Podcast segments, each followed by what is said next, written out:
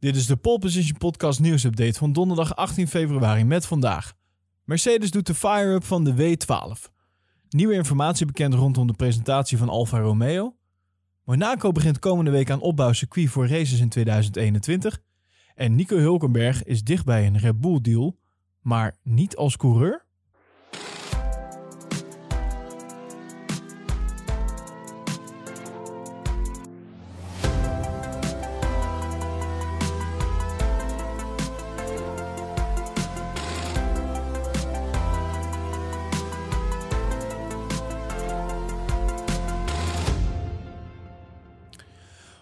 Op 28 januari kon je in deze podcast al de nieuwe Mercedes-motor horen tijdens de fire-up bij McLaren.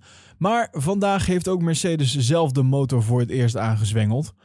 En het lijkt erop dat Mercedes uh, ja, als vanouds alles weer netjes voor elkaar heeft uh, voor het aankomende seizoen.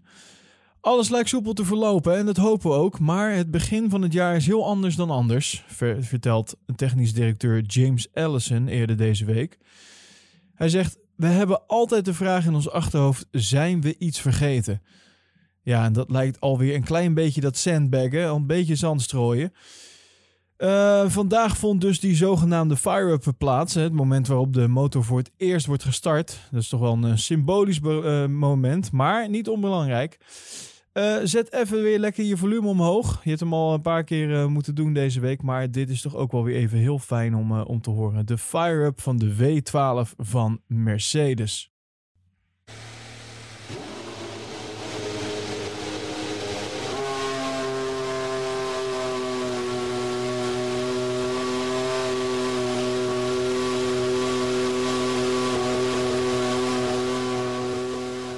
Ja, en sorry als je speakers er nu uh, door mij eruit liggen.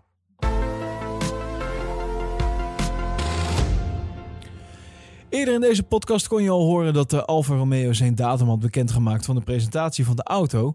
En inmiddels zijn daar meer details over naar buiten gekomen. De Alfa Romeo C41 wordt op uh, maandag 22 februari gepresenteerd. En ja, vanwege de maatregelen rondom het coronavirus zal ook deze presentatie alleen virtueel plaatsvinden. De presentatie is vanaf 5 over 12 s middags te, volgen, live via de website van Alfa Romeo. Uh, ook via YouTube en uh, via sociale media als Facebook en Twitter.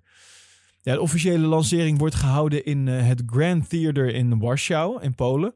En voor Warschau is gekozen vanwege de titelsponsor Orlen. Dat is namelijk gevestigd in Polen. En de lancering wordt gevolgd door een persconferentie met de coureurs uiteraard Kimi Räikkönen en Antonio Giovinazzi. Ook reservecoureur Robert, uh, Robert Kubica die zal erbij zijn. Teambaas Frederik van Zeur en technisch directeur Jan Monchot.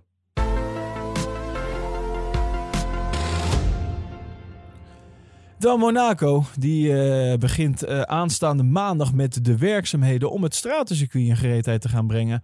Voor onder andere de Grand Prix.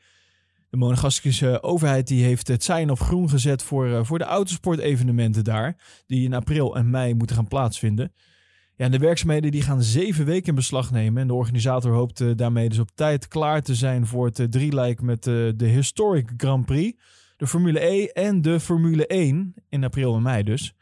En het is de eerste keer dat alle drie de evenementen in hetzelfde jaar worden georganiseerd. de Formule 1 die komt eigenlijk elk jaar terug. En de Formule E en de Historic Grand Prix die uh, wisselen elkaar normaal gesproken af. Nou, woensdag kondigde de lokale overheid van uh, Monaco aan dat de opbouw van het stratencircuit uh, aanstaande maandag dus gaat beginnen. En daarbij worden onder andere de markeringen op het asfalt aangebracht en worden verschillende infrastructurele zaken opgebouwd langs de baan. En komen er verkeersbeperkingen om te garanderen dat er gewerkt kan worden aan het circuit. Ja, vorig jaar kon de Grand Prix van Monaco niet doorgaan vanwege de uitbraak uiteraard van het coronavirus. Op de herziene Formule 1 kalender van 2020 stond geen enkele straatrace. De Grand Prix van Singapore van 2019 is daarom eigenlijk de laatste race die is verreden op een tijdelijk circuit. Vanwege de lange aanlooptijd voor de opbouw van het stratencircuit moest Monaco dus al vroeg duidelijkheid hebben.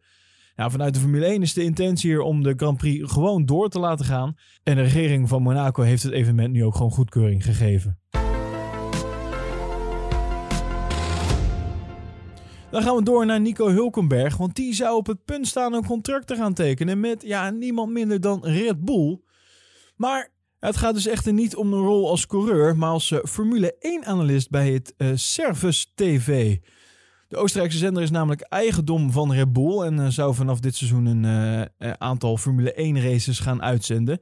Ja, en het lijkt er dus op dat we de Hulk dan uh, sowieso terug gaan zien in de Formule 1. Of het nou op tv gaat zijn bij Service TV. Ja, of misschien toch als die derde rijder bij Aston Martin. We moeten het afwachten.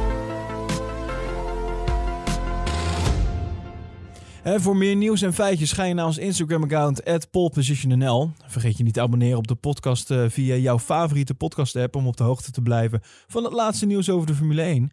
En vind je deze updates nou leuk en wil je ons financieel steunen? Kijk dan even op petje.af slash poleposition voor alle mogelijkheden en leuke bonussen.